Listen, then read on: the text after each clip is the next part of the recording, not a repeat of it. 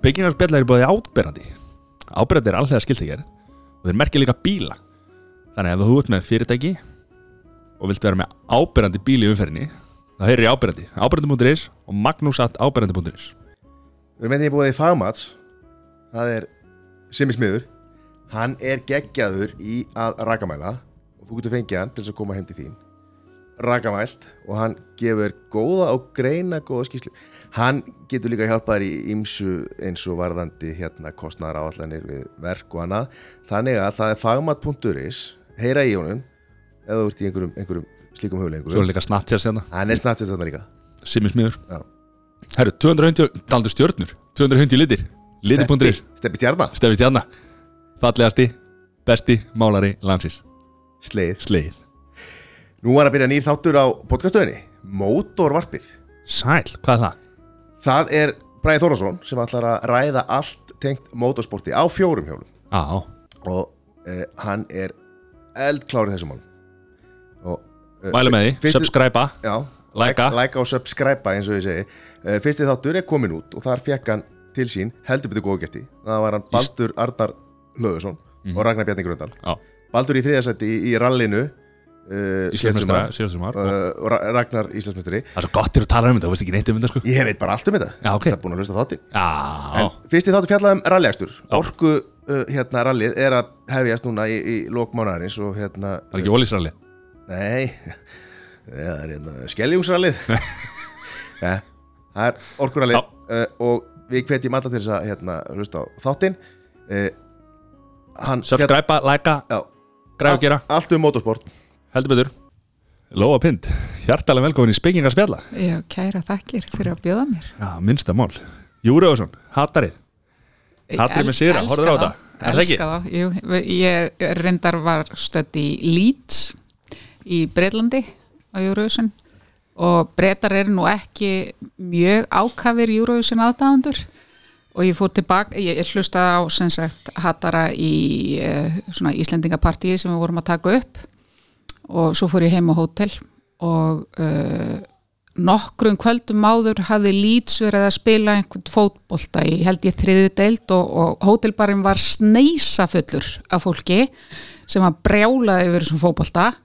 En þegar ég kom tilbaka á Eurovision kvöldið þá sátu svona kannski tíu manns á hótelbarnum og voru að horfa á golf. Já, Já.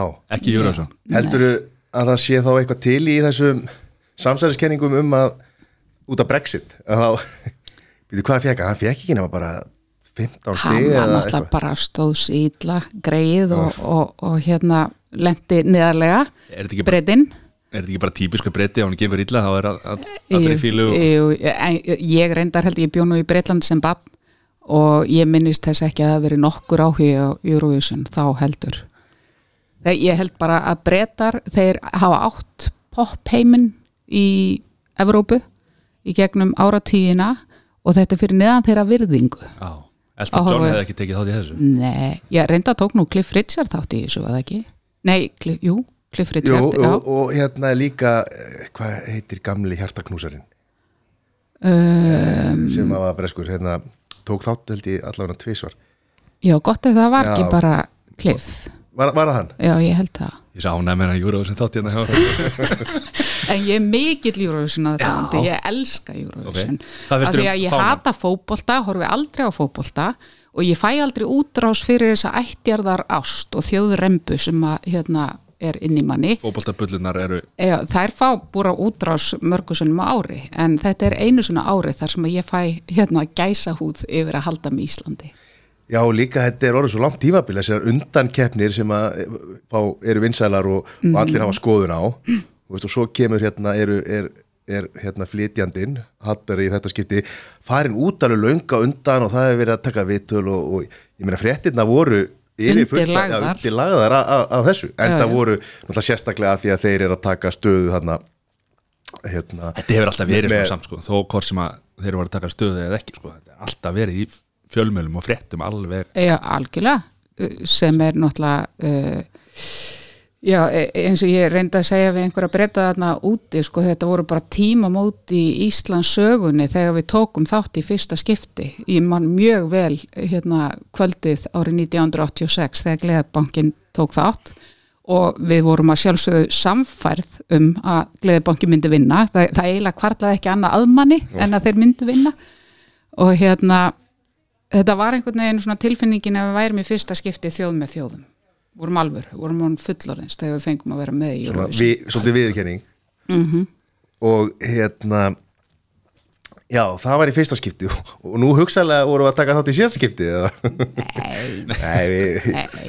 En sko, þetta er svo fyndi Ég held að Nei, ég verða að taka það fram að ég dáist að höturum fyrir, uh, mér fannst þetta í raunni það eina sem við gátum gert í þessari stöðu þegar það er verið að halda Eurovision í, í Ísrael, í Tel Aviv það eina sem hægt var að gera í þeirri stöðu var að vera með framlag eins og hattara og ég, ég er bara mjög stolt og reikin af íslensku þjóðunni að standa með höturum í, í þessu uh, já, já, og líka skemmtilegt að það hefðu allir skoðun á undankefninni og, og einhverju voru örgulega margir sem vildu Friðrik Ómar. Það er kannski svona þeirra á milli mm -hmm. en svo, sko, svo standa allir saman Já. núna þegar, sem er gullfallegt. Já, og bara svona, það, er, það er alltaf sko nú vorum við að taka þátt á laugadeginu hvað er fyrsta sinn síðan hvað, 2014 Fimm held ég. ég, ég held séu fimm ára eða eitthvað. og það er bara svo mikil munur að vera með á laugadeginum það er allt annað líf. eða bara sjá hérna á, und- í undankeppninni eða sagt, í reyðla keppninni það verður veginn, þá byrja allir að auglýsa hérna auglýsa eh, snakk og, og, og allt fyrir Eurovision svona, ennþá meira heldur en hefbundi sko. það er alltaf Eurovision leikur og, og það, hérna, allir lofa að, að ef þú kaupir sjónvarp og við vinnum að þá, Einmitt, þá er það endur greitt og svona, þjóðfélagi fer svolítið að stað. Sem er bara æðislegt að við getum saminast um þetta eins og ímislegt annað. Og við erum ekki röflandi. Við bara stöndum heilsugur á bak við okkar fólki svona. Já, nema við reytum náttúrulega út í, út í hérna, alla í Európu að þeir skiljið ekki og, Já, og þeir hefðu nú reyndar mátt syngja þetta á ensku, það er, það er eina sem að hérna, uh, eina aðtöðusemdin sem ég gerir við framlega okkar í Eurovision þessu sinni. Þú hefur viljað að fá þetta einsku Já, að því að þú, þú hefur líka búið í Fraklandi sko. ég var ánægð með hver, hver, hvernig gróstu það? það eru hundra ár síðan. Já, ég er bara Þú hefur þín sambönd. hringdi bara niður í þjóskrá og vildi fá að vita lögheimilisskránu Einmitt. að hérna að að þegar vera að kynast í dómnefndana, dómnefndalandana að þá tala allir ensku. Mm Mhm. -hmm. nefn frakkar, Einmitt. það er bara tölu franska. Já, já. það er ekki verið að það tala er ensku. bara tungumálið Já, það er hefði aðra tungumál í heiminum. Og þeir myndu ekki láta hérna, það spyrjast út að þeir hefðu, eða sagt, að þessi hérna, kynir eða hvað sem það heitir sem að hérna, sem kynni stegin en þetta fyrirkomulega núna Þetta var glata þetta, ég er ekki vissum Nei, hvernig látið ekki svona sko, þú veist, Meinar, meiniði það að kynna steg fagnemndana fyrst? Já og svo bara Og í svo belg og byðu bara almenning bara, Já, en þetta, þetta verður svo geggjuð spenna. Já, en það, þú, maður missir að því sko að geta geta nöldra svolítið út í löndin að sjá þú veist, Ísland, hérna, ef við náum ekki já, Rúmeni Já, er ma við maður fáum fær stig ekki að öskra yfir sko þremur stegunum eða tveimur stegunum sem er vissulega fúlt að gleðjast yfir e, þessum fáustegun sem við fáum en á móti kemur að, að yfirleitt hérna í gamla daga þá var það þannig að það varð svo ljóst svo snemma í stigagjöfinni hver var að fara að taka þetta og hverju voru að fara að bítast um efstu sætin. Ah, en það bara, þú veist, það breytist allt þarna eftir að, eftir að hérna, fagnemndirna voru búinir að kynna. En akkur er þetta ekki bara símakostning á, á, hérna, á almenning? Akkur er þessar fænemdir og, og hérna? Mann ég ekki alveg, sko, það, það var eitthvað ég bara man ekki alveg hvernig, það var einhver ég heldur hafi breytt fyrirkomulegin oftar en einu sinni. Það voru einu sinni bagara fagnemdir held ég, svo var það bara almenningur sem kaus.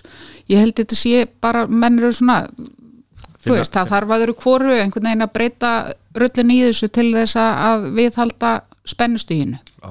En nú er þessi nágrana hérna, Við erum hætt að fá stig frá Nóri og, og Danmörku og Svíþjóð og, Já. fengum held ég engi stig ekki, ekki, eins- frá dóminendunum Nei, ekki frá dómnefndunum en, en það, sko, eru þær ófyrir sjónlegri heldur en myndi ég halda. Ég heldur ekki að en, en almenningur. Ég er ekki að fara til Norrlanda núna Nei, eftir það er bara sko. þannig. það á bara að boykotta Norðurland. Það er bara þannig sko. Það er bara ekki sén sko. Já, en við óskum hollendingum hérna til hamingju og koma óvart að, að svíin fjall svona svakalega í símakostningunni eða hérna Já. fór úr öðru seti niður í hvað, er, 57 eða eitthvað og hérna var, Ég reynda að reknaði með að normenn myndi gera betur líka þarna. Já. Ljómandi fínt lag frá þeim. En þetta er, já þeir voru held ég góðir í við, ég held að við, við gáðum þeim tólstið held ég allan almenningur, normennunum en þetta er hérna Ástralía, þeir eru bara komnir inn eða ekki, bara alveg. Jú, jú. Na, eftir þetta pröfu skipti hérna fyrir einhverjum árum. Mm En Hérna- geta ekki haldið samt Keppnina. keppninu eða vinna? Nei, nei þá ætlaði bara Ísland að gera þetta. Við þurfum að halda þetta fyrir einhvern sem væri reynda frekar svekkjandi loksins þegar við fengjum að halda í júró Já, nema við værum alltaf örug þá í aðalúslitin ef við höldum þetta vantarlega Já. Já, það er bara ekki að gera þjóðun neitt gagna Nei. að vera örug í úrslitum Nei, enda fekk Ísrael gekk held ég ekki vel núna hérna, þeir voru ekki, ekki há háir á lista núna voru bara mjög neðarlega held ég ef að það ekki Ísrael. Jú, Ég man þetta ekki. En nógu um það hérna, En þessi leikur þetta með Leeds Þetta var mjög, mjög mikilvæg leikur sko. greinilega. Já, sem er töpuð eða ekki, þeir komast ekki upp Já, það já. Jú, þeir töpu, Já. ég frétti það. Já, þeir voru að fara að komast upp í efstu er, þessi leikur er eitt, Ok, þú greinilega fylgist með fótbolta. Þetta er eitt dýrasti fótballtaleikur sem hefur spilað sko. Já, það er þannig. Svo þessi leikur til að komast upp í úrvaldeldina hann er bara, það er meiri tekjumöguleikar á því að vinna þann leik heldur en sko bara að vinna HM Vá, til landslið sko. ok. Já, Ertu ekki að tala þá í formi, þú veist, þú fær styrki og auðlýsingatíkjur Jó, þú veist bara að fara sjónvastekjur og fær, þú veist, Þetta var greinilega stórmál allavega á þetta- hótelbarnum í Leeds. Það er fleiri að horfa á þetta heldur en, heldur en Eurovision. Sko. Se, Segð okkur aðeins frá þér og ef við að byrja á hérna, þú heitir Óluf Ég að Vil hefur unnið heimaunna veldrengur Svona hvernig, af því að nú veit ég að ég veit um annað dæmi sem að hérna, uh, það sem kona heitir Ólöf og er alltaf kvöldi lóa Mhm. -hmm. og þú líka og væntalega, hérna, ertu búin að láta breyta því eða? Já, sko, ég á, mjög, ég á mér mjög langa og flókna nafna sögu Já, uh, Ég er skýrð Ólöf Hildur í höfuð á ömmu minni sem hétt Ólöf Dómhildur og mömmu fannst bara Dómhildur svona heldur þungt þannig að hún ákvaða að hérna, skera það framan af en afi tók upp á því bara held ég mjög fljótlega eftir ég fættist að kalla mig Lóu af því að móðir hans hétt líka Ólöf og var kallið Lóa. Og það festist um og ég hef aldrei gengt öðru nafni en Lóa. Þannig að uh, ég hef lengi, ég hef í 30 ára eða ég hef í rauninu bara alla tíð skrifað mig Lóu. Þú veist það er bara rétt í nafnakallinu þegar ég var í skóla sem að ég var kallið Ólöf. Uh, og hvenar var, sko ég er búin að breyta nafninu mínu svo ofta, ég er aðeins hérna, búin að gleyma þessu, svo ákveðin tímbili þá, uh, ég pappi, stjúpappi minn uh, er Pind sem er ættanafn og uh, 2004 þá gifti Friðrik Krónprins sig enni Maríu og á þeim degi var haldin veistla á heimili fóreldra minna til að fagna þessum tímamótum í lífi dönsku konungsfjölskyldunar en ekki hvað? En ekki hvað. Og við sískinin gáfum pappa það að gjöf á þessum degi að taka upp nafnið hans. Þannig að við tókum öll upp pind þá. Er það þá eitthvað danst eða eitthvað já slíkt? það er danst, það er já, danst, já. Uh, og einhvern tíman upp úr tvítugu þá fór það að fara í uh, þá fór að ergja mig hvaða væru mörg um, margir einstaklingar kendir við föður sem hugsanlega var ekki þáttakandi í lífið þeirra eða uppeldi og uh, ég ákvað sem strúmlega tvítuga að tak, kenna mig við mömmu sem ál mig upp á svona stjúpföðu mínum. Uh, en ég breytti ekki lónafninu fyrir henni fyrra.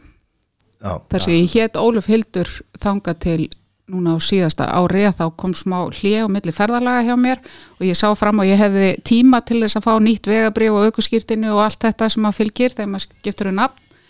Þannig að ég held að það veri í februar mars í fyrra sem að ég fekk það samþykkt að heita Lóa. Og komst í gegnum manna, manna nafna en enn bara Já, bara sé svona þó ég væri búin að þá að breyta nafninu mínu líklega þrísvar Já, en þekkja þeir náttúrulega allir sem lofa pinn sko, Já, þannig að já, já. hún fór Já. bara inn í manna nafna nafna þetta er flókið En maður þarf alveg að sækja um, maður þarf að hérna, skrifa bréf og raukstiðja og svona. já, ok.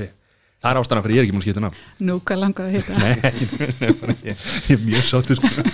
Jú, hann heitir þetta Mattias en kalla sig aldrei neitt annað en Matta. Ána, hérna, hann- Matti. Ég er Matta. Já, En þú hefur verið snemma að, að kenna þig við móðina Já, Svona- þetta, þetta var alls ekki algengt á þeim tíma, þetta var svona kannski 92, 3, ég er ekki alveg viss hvernig ég gerði þetta. Uh, og þá mann ég eftir, ég held að það hafi verið ein eða tvær konur sem að ég vissi til og væ- væri kenda við maður sínar. Ég man ekki eftir neinum kallmanni og nánast hvert eina skipti sem að hérna, ég kynnti mig fyrir einhverjum sem ég ekki þekkti að þá er ég spurð af hverju. Já, en það eru svona kannski tíu ár pluss síðan fólk hætti að spyrja þetta er bara orðið eðlilegt í dag já Og nær, þú nærða að kenna þig bæði við móðina og, og nota pindnafnið frá já, frá stjúpappa stjú, mínum. já, Þannig, að, þú þarft ekki að heita þú veist, eins og sumir heita þú veist, Sigrúnar og, og, og Nei, Guðmundsdóttir e eitthvað slíkt sko Þannig að þú nærða, nærða þessu í svona já. og en mér finnst bara mjög fallegt líka þegar fólk kennir sig við Já, báða já. foreldra það hérna, er í rauninu mjög óeðlegt að við skulum öll, eða flest kenna okkur engungu við föður. Já. Mér finnst það samt betra heldur en þessi ættanum sko. Ég veit það ekki. Það er svo í Ameríku og svona. Já, já, nei, já bara mér finnst það mjög skemmtilega nafnaði, ég vil endilega að við höldum í þetta en eh, þú veist, einmitt, Sigrúnar og Torfadóttir eða eitthvað, það væri bara ekkert að því. giftir þig þá vorst að taka eftirnafnið hans skilur það er eins og í Ameríku Það er sko. Já. Já, Já, það er, er, er hérna Sýsti mín er í því maður. Já, Gift Amerikana maður. Já, og tók hún upp bættanafni hans? Já. en þú veist, var einhver þörf á því? Var, er það nokkuð skilda, er það ekki bara val hennar? Er ég bara í einhverju yfirreitlu ég er vanar að vera hérna með við borðið ekki. Það brjálega út í mig hérna. Nei, jú, það er bara hennar val sko. Hún er, Nei, ég veit það ekki. Ég hef aldrei spurt hann á því. Nei, Þetta er bara góð spurning. Ég ætla ég ætla að skrifa þetta niður En segja okkur aðeins frá hérna, hvar þú ólst upp og, og svona í, hvar, já, ég er hérna, ég er fætt í Kóbói á fæðingarheimili í Kóbói og við mamma byggum hjá mafa fyrstu tvö árin. Þannig að þú ert komin heim núna? Nei, Kópavogi? já, ég kom heim, Já, já, já, já, já. Hérna, svo fluttum við upp í Breiðholt þegar ég var fjögur ára, þannig að ég svona átti grunnskóla árin upp í Breiðholti, eða batnaskóla árin, uh, var í Hólabrökkskóla uh, og reyndar va- vorum svo tvö ár í Englandi, fóreldra mínu voru í námi þar, þannig að við byggum þar í tvö ár. við er-. Englandi? Í Brighton Já. og uh, þannig að ég byrjaði skólagönguna í fórsins sex ára bekk í Englandi já, hann að þú myndir segja, er það, og er tvö ár þar, en hvað myndir þú að segja, ertu þá úr Kópói eða úr Breiðholti eða frá Ég- Englandi kannski? ég líti á mig sem breyðpilting Já, já ég gerði það. En svo reynda flutti ég í hlýðar uh, þegar ég fór í gagfræðaskóla þannig að ég fór í hlýðaskóla þar og var svo í hlýðaskóla og MH og svo þaðan yfir í háskólan og í, þannig að ég átti úlingsárin senst í hlýðunum já, og í, í grunnskóla og á úlingsárum, varstu þá að byrja að skrifa eitthvað eða gera eitthvað svona tengt? ég, ég, Skriftum. ég var svona bókármur þannig að ég fór út í bókabílin sem að kom inn í hverfiðin í hólakverfi það sem ég bjó uh, í hvers skipti sem hann kom sem var aldrei tvissar í viku. Tók mig kannski svona tíu bækur fyrir vikuna. Uh, og ætlaði að verða rithöfundur. Það var stefnan bara frá því ég var krakki. En um, ákvað svo á einhverjum tímpunkti í lífinu að, að það væri kannski aðeins flókið eitthvað að verða rithöfundur. Þannig að ég fer í blaðamennskuna að því að mér langaði að vinna við að skrifa. Það, það var svona brautin þangað inn. Það var bara áhagamál frá því að varst bara krakki já, að skrifa. Og hérna, var fyrst, var það tíminn sem að þú, var, eða hvar varstu fyrir? ég, ég Það byrjaði. Já. byrjaði á tímanum já. tókst að lauma með það ég semst stemdi í blaðamennskuna en þegar ég kom heim úr námi ég fór þarna, ég var semst þrjú orði í háskólanum í íslensku uh, og hafði alltaf dreymt um að, fara í háskóli í Fraklandi en að því ég egnaði spatt tvítu þá var aðeins flókið að einhvern veginn að vera að flytja út með hann. Þannig að um leið og ég kláraði bíaprófið þá fór ég út sem skiptinemi til Fraklands og var þar í eitt ár. Og þegar ég kom heim þá gekk ég á milli rittstjórnarskrifstofuna að reyna að fá vinnu. Uh, það gekk ekki þannig að ég fór og var einn vetur uh, kennar á blöndósi og þegar ég kom tilbaka þá var ég svo lánsum að fréttastjórun á tíman var gamall nefandi pappa íslenski klíkuskapurinn. Þannig að ég fekk sumavinnu og uh, held svo áfram og hef verið bara í fjölmjölum síðan non-stop. París, Blöndós, Reykjavík tíminn. nei, nei, það var Montpellier. Montpellier blönd já, og ég hafði sko aldrei farið norður í land þegar ég bjóð þetta. Ég, ég er alveg reykvíkingur í húð og hár þriðja, fjórða kynnslóð í Reykjavík þannig að þú veist, ég er ekki bara ég þekkti landsbyðina ekkert og það mjög framandi tilhugsun að flytja til Blöndófs, Já. en það var samt geggjað að prófa það Hvað, Montpellier, hana Það er- við, já. við landamærin við Spán Já, Eða? það er í söðu Fraklandi þetta er svona kannski fjögra tíma akstur frá landamæranum Ég kom með þákað Nei, Jú. dásanlega borg Já, mjög ég var bara einan átt að það en Já, mjög krúttaraleg borg og hérna það er semst eh, það var allavega samningur eða samband milli Háskóla Íslands og Háskólan sem Montpellier þannig að það var hellingur á Íslendingu þarna. Ég var þarna í svona Íslendingabúblu ætlum við ekki verið svona 20-30 Íslendingar sem vorum þarna. Já, og þá strákurinn með þér eða? Já, strákurinn með mér uh, hann var þá tvekja hálsás og fekk óperstelpu með mér líka því að hérna, frakka voru þá allavega ekki með skólakerfi hannað fyrir uh, mæður, útivinnandi mæður. Uh, þannig að, að það var uh, hann komst inn á leikskóla en uh, það var aldrei leikskóli á miðvöggudögum minni mig. Og löng frí hingað og þangað víð og dreifum veturinn þannig að ég bara varð að vera með aðstóð til þess að geta sint skólanum.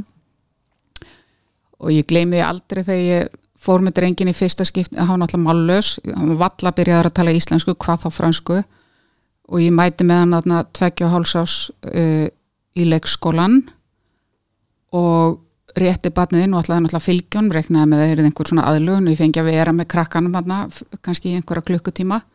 Nei, mér var bara vísað út og svo bara, já, rimlar fyrir og læst og barni stóð grátandi þarna fyrir innan. Ég gæti ekkert gert ég var bara að skilja hann eftir þarna meðal frakkana það er nú ekki verið góð tilfinning. Nei, það var ekki gaman. Hvað er ekki aðlögn hérna bara ég verði ekki fjóri, fjóri hund dagar og jú, það er ekki, nokkrir- vika Já, þetta eru nokkri dagar sko. Það er einmitt í þessu í, í vetur sko. Uh, En hvernig allir veist allir sem fara til Fraklands og annarkvort að námsárum eða, eða að einhverjum ástæðum hérna, verða svolítið svona rauðvins legnir, eða, Marineraðir. Já, svona pínu sérfræðingar sko að, hérna, að því að þetta er menningin og, ég var og náttúrulega einstað móðir með óperstelpu. Ég, ég var ekki mikið í fínu vínunum sko. Nei, Eh, en hérna, ég, ég er mjög hrifin á rauðvinni eins og er. Og í Þetta dag, þetta er einhver draumur og sagði þurfa að fara bara til Frakland sko, bara að fá sér sko. En ég varð ekki frank og fíl og ég hérna uh, fór ekki til Fraklands, ég semst flutti heim hvernig var það á, voru 94 og ég kom ekki aftur til Fraklands fyrir bara fyrir tveimur árum. Ég hef bara ekki snert á Fraklandi síðan. Já Það er og heitlaðist á Spáni hins vegar og spænskri menningu. Og hefur verið að fara þanga nánast á hverju ári í tíu ára lengur. Hvert á, á Spáni? Ég, ég er hérna, ég hef nú svo sem farið hingað og þangað á Spáni, þetta aðalega eftir strand, strandlenginni, en hérna, ég er mjög hrifin að Andalúsi og stefnan er, eða svona draumurinn er að enda æfina þar, Já, hérna, jafnvel kaupa sér eitthvað í Andalúsi, gera upp og, og vera þar síðustu 20 árin eða eitthvað. vínegrar og Já, Já, það er rosa hérna, fallegt og svolítið öðris að vera þetta nýri Andalúsíu heldur Já. en ef þú fer, fer norður.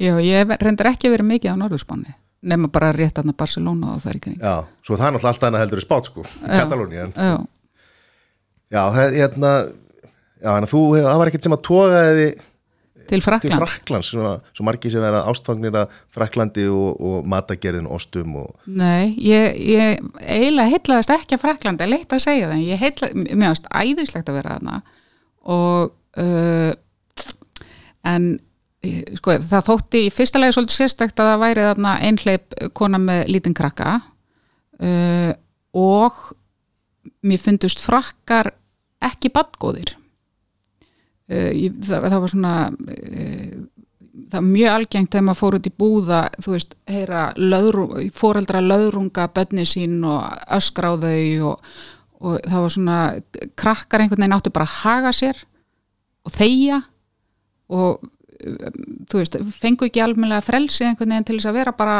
bönn og kannski ef ég var í stræt og með drengin með mér að þá ókunnugt fólk var eitthvað að gera aðtöðasemdi við það ef hann, þú veist, satt ekki í kjör í sætinu sínu og nágrannin fyrir ofan mig var stöðugt með kústskaftið að heyrðist í badninu þannig að ég, ég ég var ekkert rosa hrifin Frakkar eru sérstakir það sko. er bara satt þessi en, líta en, um ba- já, en bara ég verið að taka fram svo þegar ég fór til Fraklands aftur þarna fyrir 2-3 árum að hérna þá bara mætti mér indislegt viðmót og, og ég hitt, hitti fullt af ánægilegum frökkum og þetta er örgulega príðisland Þá varst ekki með lítið batt með þér Nei, það var ekki með lítið vett þá var hann orðin sko 20 og eitthvað þannig að Já, það er, ég skil þetta, það er öðruvísi að fara ánga með lítið barn heldur en að vera, þú veist, 20 og kannski 20 til 25 ára og, og hérna ekki með barn og liggja á einhverjum, einhverjum, einhverjum menningarhúsi hérna í Fraklandi með rauðin og osta og hlusta á einhver ljóðalestur, sko, það, er kannski ekki alveg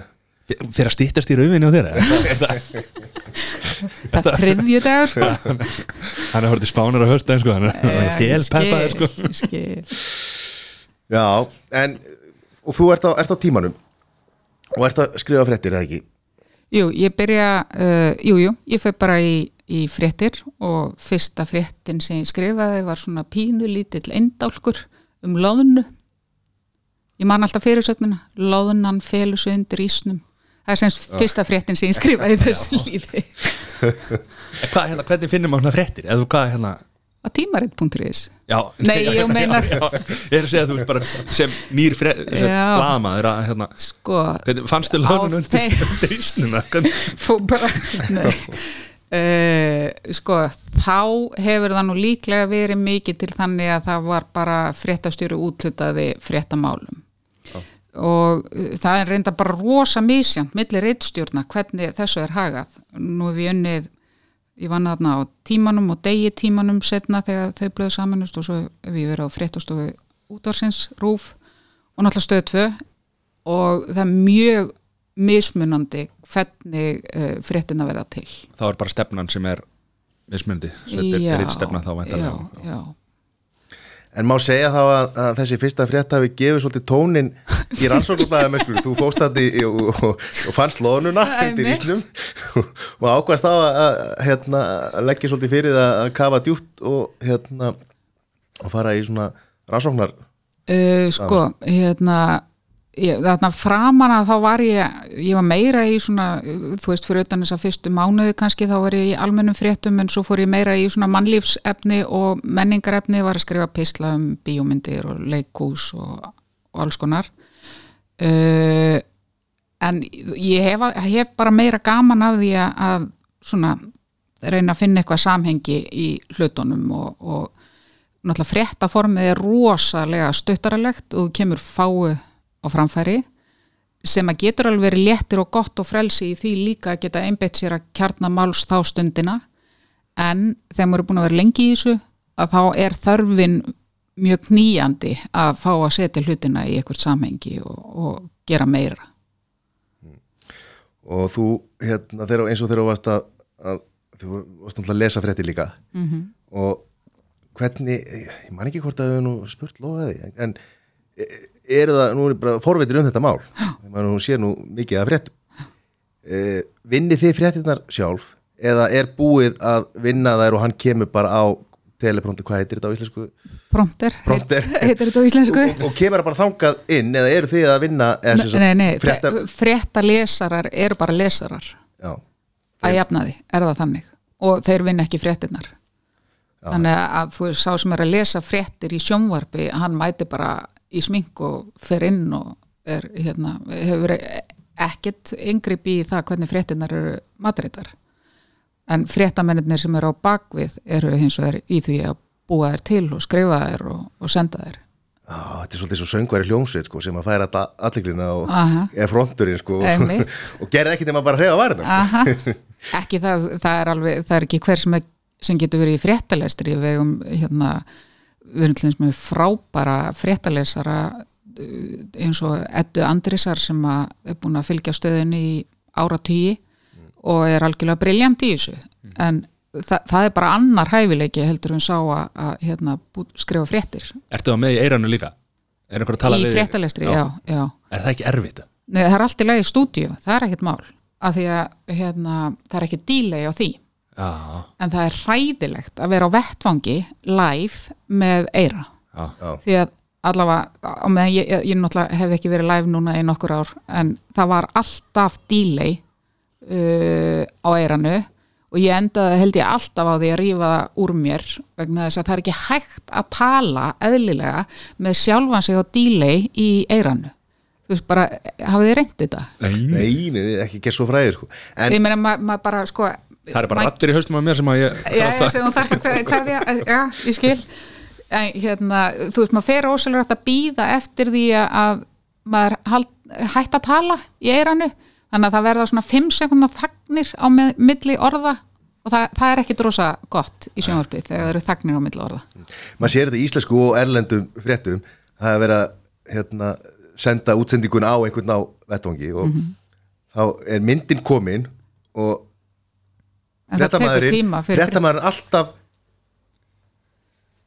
já, eins og þið það er alltaf hann þessi byð sko, hann er komin í myndavélina Já, já. en hann er alltaf að býða eftir að heyra að það, hann var kallaður inn eða að hvenar hann á fær þetta merki. Getur við ekki leist þetta, er ekki 2019 er ekki ég bara- skil ekki akkur það er ekki hægt. Sko, það, þetta er samt ekkert vandamál. Ok, þó þú komir aðeins setna inn í mynd veist, eftir einhverja, nei ein, aðeins setna með hljóðið allt er góð með það, en þetta að vera að tala og hlusta á sjálfan sig í leiðinni það, það gengur bara ekki upp. Já, er, er, það er svo bergmáli eða eitthvað Já, svona það er svona bergmál af sjálfum þeir í haustnum það er agalegt.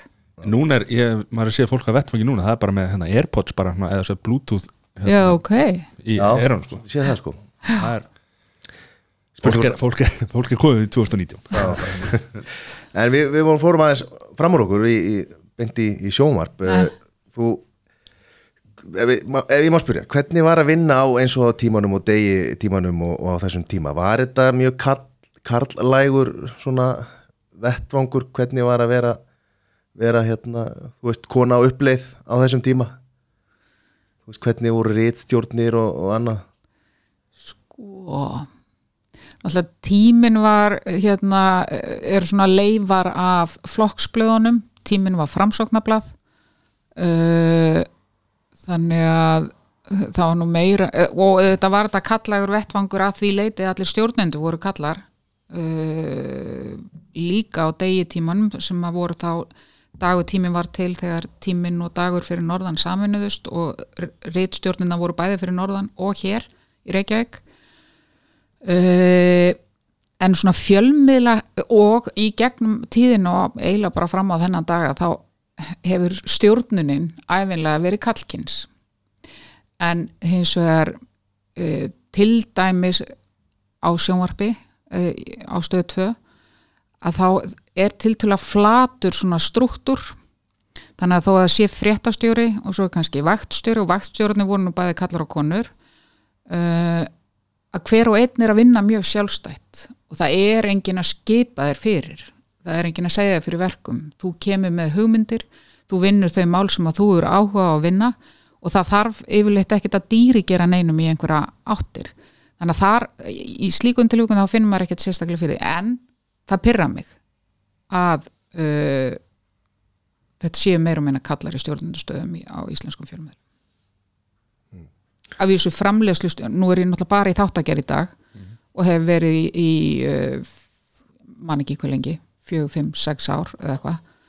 Og framleiðslustjóran stöðtvö er, er kona og hennar hægri höndi líka kona. Þannig að í framleiðslunni hafa konur verið og pródúsentar, útsendingastjórar á stöðtvö hafa bara í gegnum tíðina nánast alltaf verið konur. Þannig að konurnar áttu það, það var tækni hlutin eða útsendingar hlutin þar að segja en, en svona efni stjórarnir hafa verið kallmenn því sem er fúlt. Já, já Já, Og hvað, er, er einhver ástæð fyrir þessu eða er bara þín, þín skoðun eða er konur ekki að sækja með þessu jobb eða er bara sko, það er náttúrulega yfirleitt ekki sótt um þessi jobb fólk er sótt í jobbin. Þetta er svo fá störf væntalega já, uh, ég, ég efast um að það er nokkuð tíma að vera auglýst eftir fréttastjóra á stöðu 2 til dæmis. Það er bara fólk sótt inn í það starf ég veit ekki, það má vel vera að það hafi einhverjum konum bóðist að taka það að sér en, en það er hafnað, ég þekki það ekki. Um, þetta er náttúrulega uh, svona 24-7 vinna að vera fréttastjóri á ljósvakameðli. Það er stöðugt að vera við látin við síman um, kannski eru bara suma konur sem hafa ekki verið tilbúinur í það en uh, nei, ég eiginlega veit ekki Nei, óvandi breytist af því að vantarlega er eins og sín og, og aðrir þessir rúf og þetta þessi stóru fyrirtæki með einhvers konar stefnu í dag sem að einhvers konar kynjastefnu eða, eða eitthvað slíkt mynd- myndi ég halda sko að Já, það var sko ákveðin breyting á upp á stöð þegar hérna Ingibjörg Pálma uh, varð meðvituð um stöðu hvenna í, í hérna hjá fyrirtækinu og, og það fjölgaði þá konum í uh, Ingibjörg Pálmadóttir sem átti meiri hlutan eða nánast allt hlutafé í félaginu. Uh, og það var breyting á við það. Komu fleiri konur inn í stjórnundastöður í fyrirtækið. Þannig að þú veist, það skipti svo er það náttúrulega máli, það, eru kallarnir sem hafa átt peningana og það eru kallarnir sem eru þá að ráða toppstöðunar í, í rekstrar og framkvæmda stjórastöðunar sem svo aftur þá bara, ég meina, þeir treysta þeim sem þeir þekkja Já, það er nú alveg þekkt að þeir sem að er að koma inn á- í stjórnunarstöðu þeir taka menn sem hafa unni með og sem eru konur eða kallar bara fólk sem að treystir og er að vinna með. Þetta var rosa djúf spurning var. já, þetta eru stórumáli sko, við, getum líka að tekja stórumáli sko. Erum við konin þangað? og þú hérna, ferð þá frá blaðamiðli eða, já, hérna, reitmiðli yfir á, er það ekki yfir á talstöðuna Nei, sko, ég, hérna, uh, ég er eitt ár minni mig á tímanum, annað ár á degi tímanum og svo fyrir ég út í nám, uh, segi upp og fyrir nám í, eh, í Cardiff í Wales, tek master í blaðamennsku og þegar ég kem tilbaka þá var ég ákveðin í að fara ekki aftur á dagtímum, langaði bara, veginn stegi eitthvað annað skref. En uh, var já, en stökk aftur inn á dagtíman þarna í sennilega eitt ár segi þá aftur upp og fyrir ferðalag ákvaða hérna, ég og fyrirvændi maður minn fórum í tvekja mánuða ferðalag um Mið-Ameríku og ég tek svo eftir það ferðalag þá tek ég eitthvað svona frílans tímabil og fer í um, er bara að skrifa einhverja greinar og, og hvað var ég að gera? Já, og, já, og hérna fer inn á fréttstofu rúf og er þar líklega í þá er ég að tala um útvarpi, fréttstofu útvars og er þar í svona sennilega eitt ár cirka og þaðan fer ég inn á tímaritin. Fer í hérna verður rittstjóri uppeldis uh, í nokkra mánuði og svo rittstjóri hús og hýbila í þrjú ár held ég það að verið. Þaðan fer ég svo eftir fæðingur, ég egnaði Já. svo annað batna 2004 og þaðan fer ég inn á talstöðuna eftir fæðingur hvernig var að vera hjá, á hús og, Húsum húsum og hýpili húsum og? Já.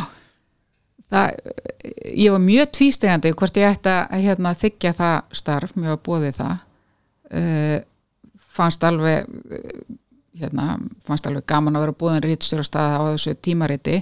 En þetta var ekki alveg svona á mínu áhugasviði en hins vegar var, voru hús og hýpili hluti eða, þetta var náttúrulega stæsta tímarita útgáfa landsins fróði með öll helstu blöðin séð og heyrt og mannlíf og nýttlíf og geskjavan og, og vikuna og fleiri. Þannig að það var mjög gaman að koma inn í þann kúltúr og, og þann heim að vinna hjá svona alvöru tímarita útgáfu. Um, og mér fannst bara mjög, mér reyndar alltaf að finnst gaman í vinnu og bara gaman öllum þeim stöðum sem ég vinna uh, hérna og ég var alveg svona hands-on reitstjóri, ég var alveg að stilla upp í myndatökur og, og skúra gólfið til þess að þú veist, þetta liti sem best út og svona. En ég ætlaði aldrei að vera lengi þar. Og það sem ég hefði gaman af með tímarit að þetta er svona lítið samfélag. Hús og hýpli og geskjafin og síða og heyrt voru mjög vinsæl tímarit. Uh, og áttu svona trygga áskrifenda hópa. Og mjög hans gaman að þurfa að fara að lesa þess í það hvað virkaði fyrir þennan hóp. Gaman að vera þáttakandi í því að búa til einhvern veginn svona kultúrin sem verður til inn í svona tímariti. Og hérna komst náttúrulega fljótt að því að, að það er eldús og baðherbyggi sem selja. Mm en já, það, ég meina, þetta var bara mjög skemmtilegt að spá og spekulera í þessu og svona aðeins að reyna veist, það er alls konar svona snopp sem fylgir hérna heimilum og hönnun sem að ég sem þú veist, auðmur blamaður einhvern veginn var ekki þáttakandi í þú veist, ég var ekki fastagestur í Epal til dæmis. Eh, þannig að ég var svona að reyna líka að færa þetta niður á bara þá lefi lokkar sem að meðal Jónsson sem að höfum bara x mikið úr að spila og getum ekki veslaði í Epal. Um, og já þetta var bara mjög skemmtlegt Já, varst ekkert först í vinnunni að þegar þú komst heim til fólks að þá varstu bara á sér lampa að vera þarna eða hann bara, hann passar ekki þarna sko. Glæpan. Sko reynda það Það kom var að ég færa til hluti.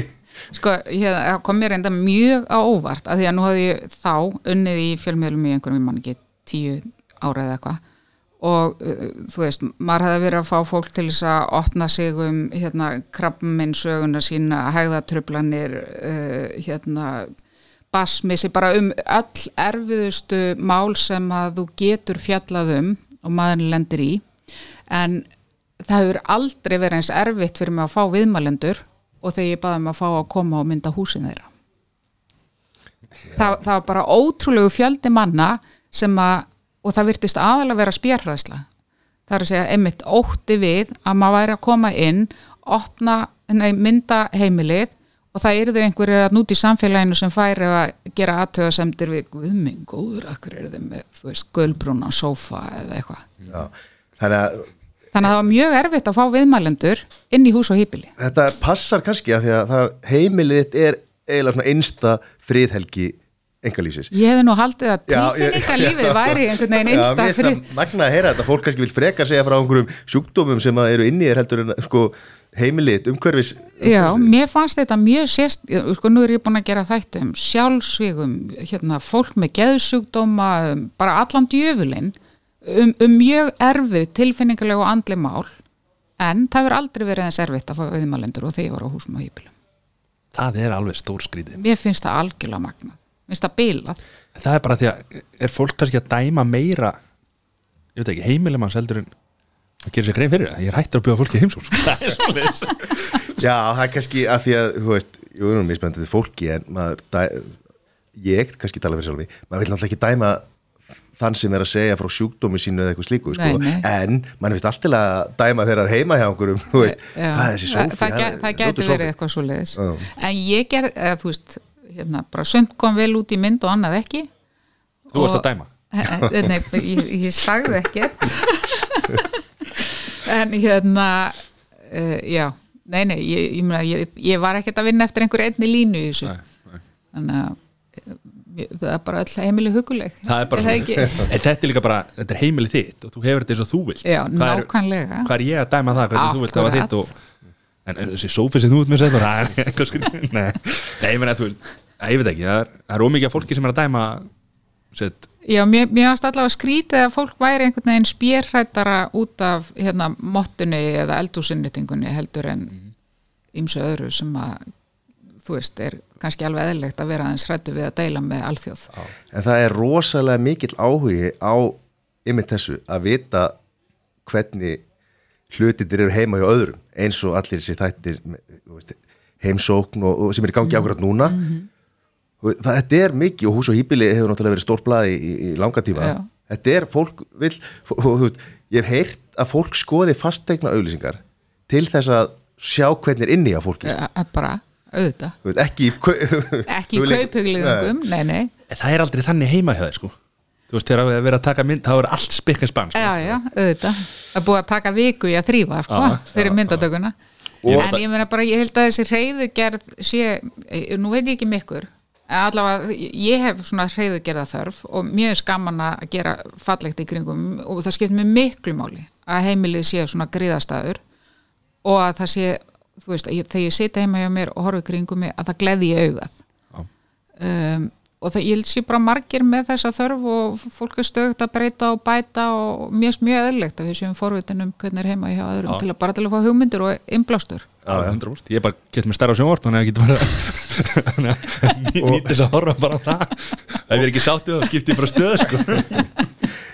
En svo líka þessi hegðun íslendinga, ég veit ekki hvort það sé erlendis líka að, þú veist, það er þessar, þessar bylgjur, sko, þú veist það er, er hérna, ittala vasar og, og skálar og glös og Rósendal og, og hérna kartel og, og hérna, hvað hétt, ómaggi og hérna það, hérna vasin sem að ég- kom hérna ekki hérna, þykja hann, missti- hann, hann, hann er bara hann er, er að horfa eldur til sko, og vera að lesa upp bara skápan ég sko. að segja, ég veit ekki eins og hvort það sé ómaggi og vasin heima, það geti alveg svo verið.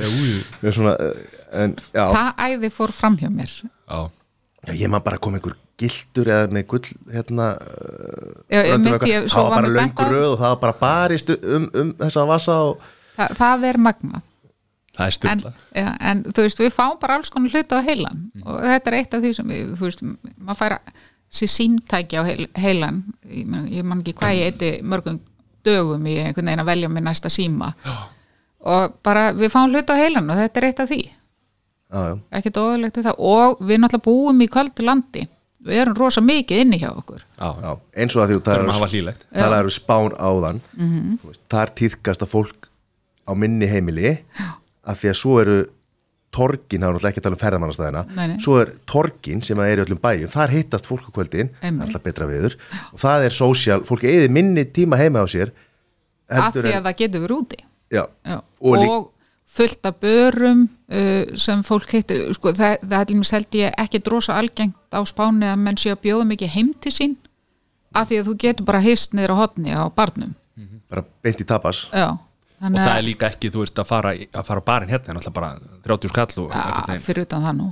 Rándýrt maður en, en hérna, rosalega drekku þú mikið og fer því ég er alltaf að bjóða þér ég meina fara bara og, og, eitt rauðvinsglas á, á, í Fraklandi á Spáni eða eitthvað Eh, og ræða málin og far, svo fara bara sikkurlega heim sko. Já, já. og þá er náttúrulega líka samgöngur sko. Svo er hérna er það, náttúrulega bara uh, leigubíl það er bara það er bara bara viku laun já, já. já, já. Við erum aftur konið í stórum máli frá, frá húsum og hýbilum þá er það þá sem að þú ferði í fer á talstöðina Já, þá, uh, þá er ég ráðin hann hérna Robert Marshall hefur samband við mig og uh, býður mér að taka þátt í þessu æfintýri NFS nýja frétta stofan held ég að það er stað fyrir. Já, minni það, já. það var algjör partímaður það var geggja var frétti 24 já, já, bara snildar hugmynd eða þannig, eða þið viti.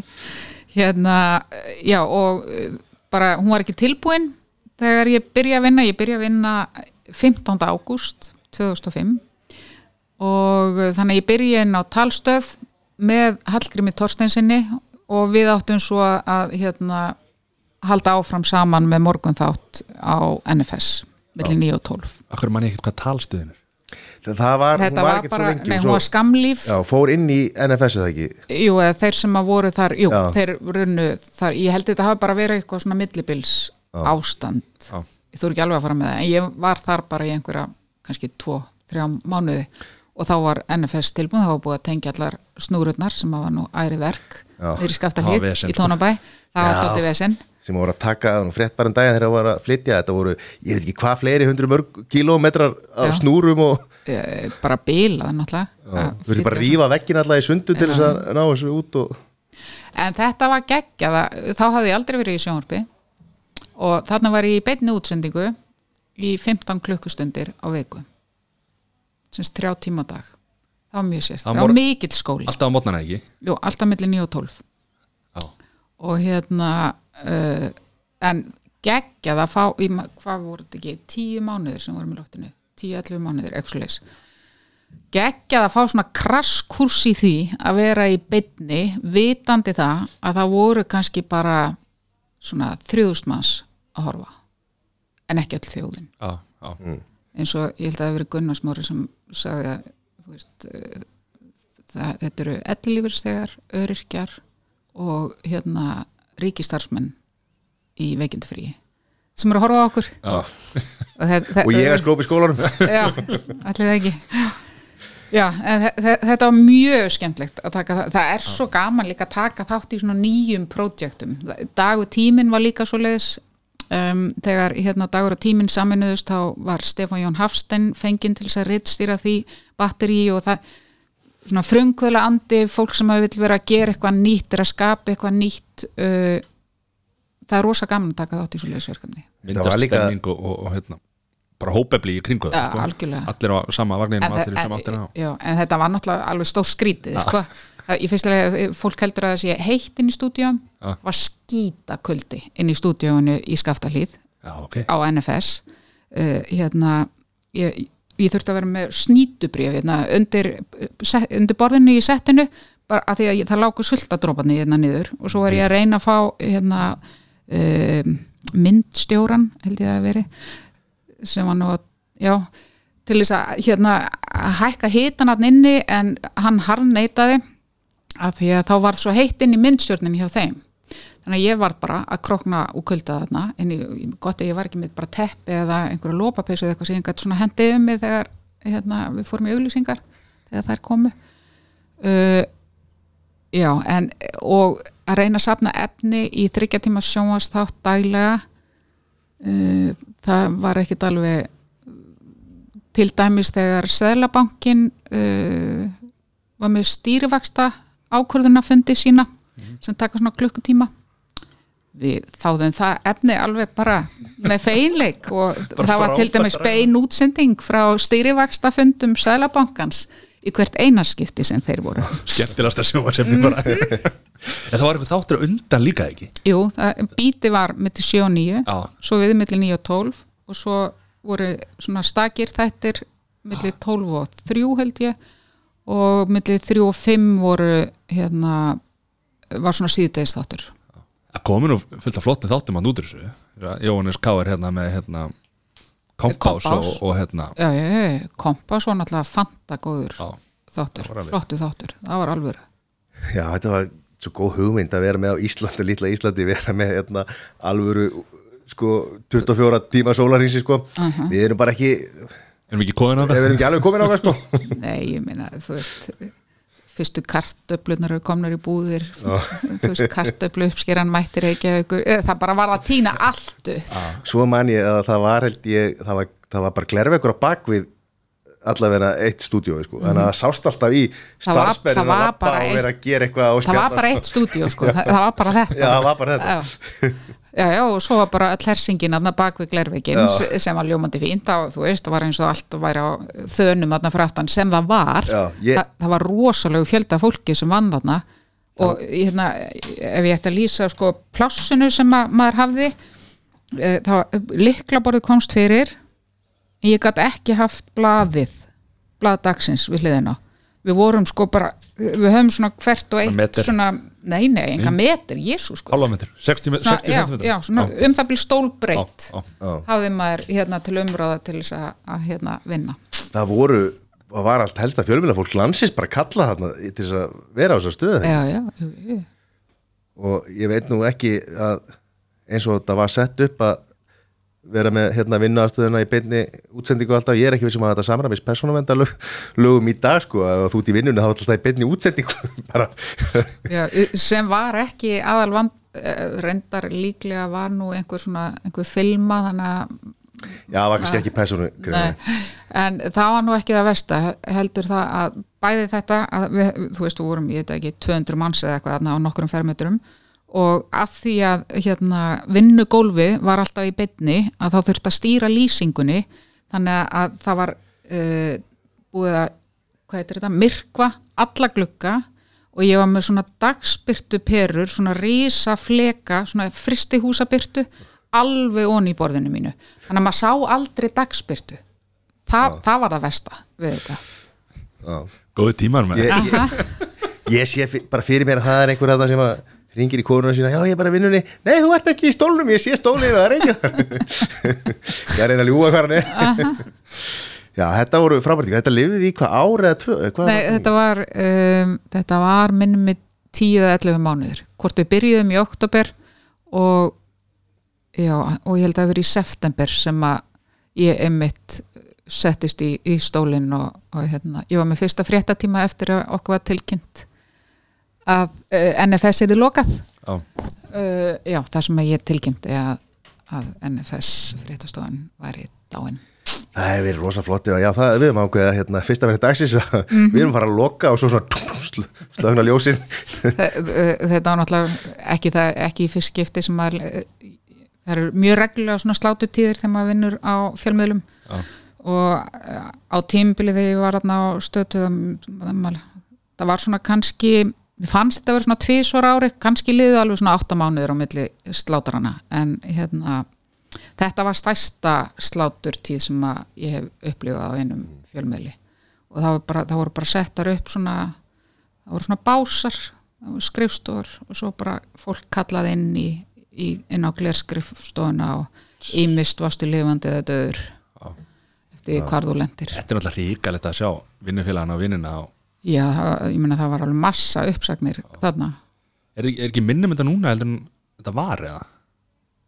þetta er bara mjög reglu, þetta var bara svo mikið þarna því það voru svo margir ráðnir inn til þess að sinna þessum sólarhings fréttum en uh, þetta það er bara mjög reglulega sem eru svona uppsagnar tíðir. Já, og hvað þarf líka mikið fjölda á bakvið svona því þetta var alltaf í beinni útsendingu? Já, já. það er alltaf rosa marga bakvið myndaðalina vantarlega að, að mar margar hendur sko. Já, búið til efni. Það er náttúrulega var verið að reyna að búa til svona um, hvað getur maður að kalla svona einsmanns teimi, þar er að segja fréttamennir voru látni fara sjálfur út með kamerur, þannig að það var ekki tökumæður og fréttamaður. Já, og bara, bara á þrýfætti eða eitthvað slíkt. Uh, já, þannig að fréttamennir voru sumir held ég, að taka sjálfur myndefnið. Og, og svo náttúrulega var þetta bara svona cirka ómannskilegt álag en hérna enda náttúrulega bara gekk þetta ekki upp til lengda, en þú veist mjög stórhuga. Og djaf já, þetta var cool. Og ég meina það er bara gaman þegar menn hugsa stórt og, og hérna að láta það verða að veruleika. Og þó lí- þetta örgulega kosta alveg þú veist. Líka eins og við bara þýr eins og, eins og annar þegar maður spyr út í þetta NFS-tími sko, það hugsa allir svona sko, örglega með bæði sko, sárt og eða svona ljúfsárt sko, þessi tími við ætlum að gera þessa sko, stóru brjálu hugmynd sko. þetta var svona já, það er svona þeir sem að tóku þátt í þessu svona hugsa um þetta í baksinnspeglunum sem bara svona fá svona ein- einhvers konar svona sætt súrt sætt út, já, Já. finnst mér svona Já, sko, mér finnst þetta reyndar eiginlega bara sætt. Ég náttúrulega varð ekki fyrir fjárhagslegu tjóni. Ég sett ekki peninga í NFS. Þannig að fyrir mér var þetta bara geggjað námskeið í því að vera í beinni útsendingu. Ég fekk bara þarna, mjög langt svona æfingaskeið í því að vera í sjónvarpi.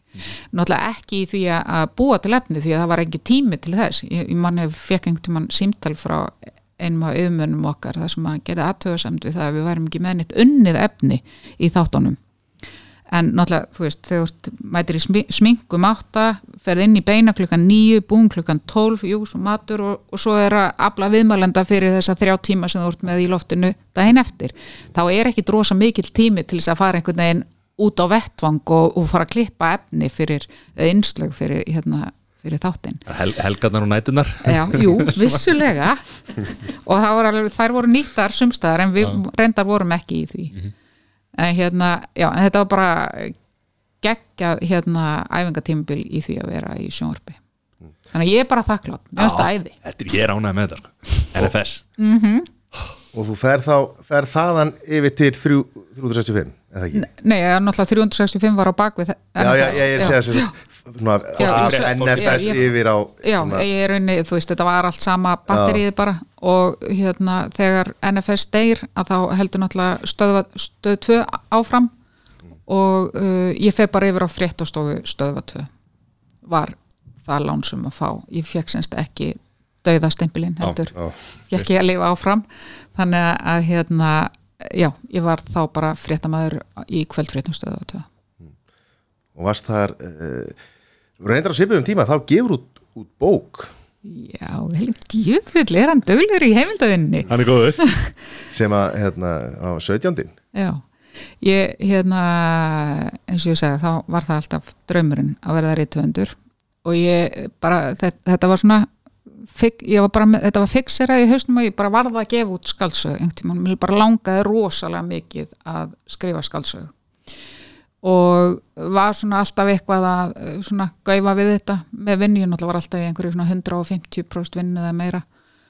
Um, e, maður minn fyrirverandi er reytöfundur og, og ég manna hann hérna, kvatti mig til þess að, að hann sagði sko það þýðir ekkert að býða eftir því að inblásturinn komi, þú verður bara að setja sniður á hverjum deg og skrifa eitthvað.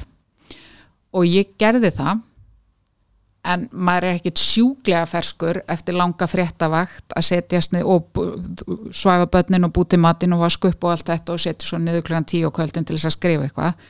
Það er svona til lengdar er ekki drosa hérna heppilegt. En svo egnaðist í batnarna 2004 fór í fæðingarólof og nýtti fæðingarólofið meðan batni svaf að þá var ég að skrifa. En þetta var alveg svona fimm ára prójekt. Uh, ég var að þessu eiginlega í öllum frístundum í cirka fimm ár. Þannig til ég gaf hann út 2007 og þetta er eina svona bókin þú ætla að skrifa greinar og, já. og annað, en þetta er eina svona eh, þetta er eina skaldsagan sem ég hef skrifað já. já, og blundaði ekkert í þér kannski eitthvað í framhaldinu að fari, fari í aðra bók eða bara, mér fannst þetta bara of mikið á sig lagt. Uh, mér langaði til þess að eiga mig líf utan vinnu. Og á meðan ég var að skrifa bókina þá fannst mér ég valla eiga líf. Það, uh, þú veist, maður gæti ekki leift sér að vera að eyða þessum frístundum í það að vera að hitta vinn eða fara, fara að gera og græja og ferðast og, og allt það sem að gleði mann í lífinu. Uh, að því ég var bara að nýta tíman til þess að, að skrifa og ég var bara ekki tilbúin til að gera það að því, og ég var alls ekki tilbúin til að hætta fjölmiðlavinninni, ég elska hana og hún gefur mér helling og ekki sjens að ég fari að gefa það upp á bátinn fyrir það að setja ein heima fyrir fram tölvuna. Þetta kemur þegar þú ert flutt í spánar. Vínagrænir ja, nákvæmlega þegar ég kom með eðal rauðvínuð í glasið þá, sit, situr á einhver svona kaffihúsi við ströndina með tölvuna og, góðan kaffibotla og en, svo, en svo er það líka þetta að náttúrulega sjónvarsefni er svo áhrifamikið og svo miklu áhrifameira heldur en texti á bók fyrir mitt liti. Og ég til dæmis er uh, ég, hvað ég út þessa bók 2007 um, hvenar kemur iPhone-in?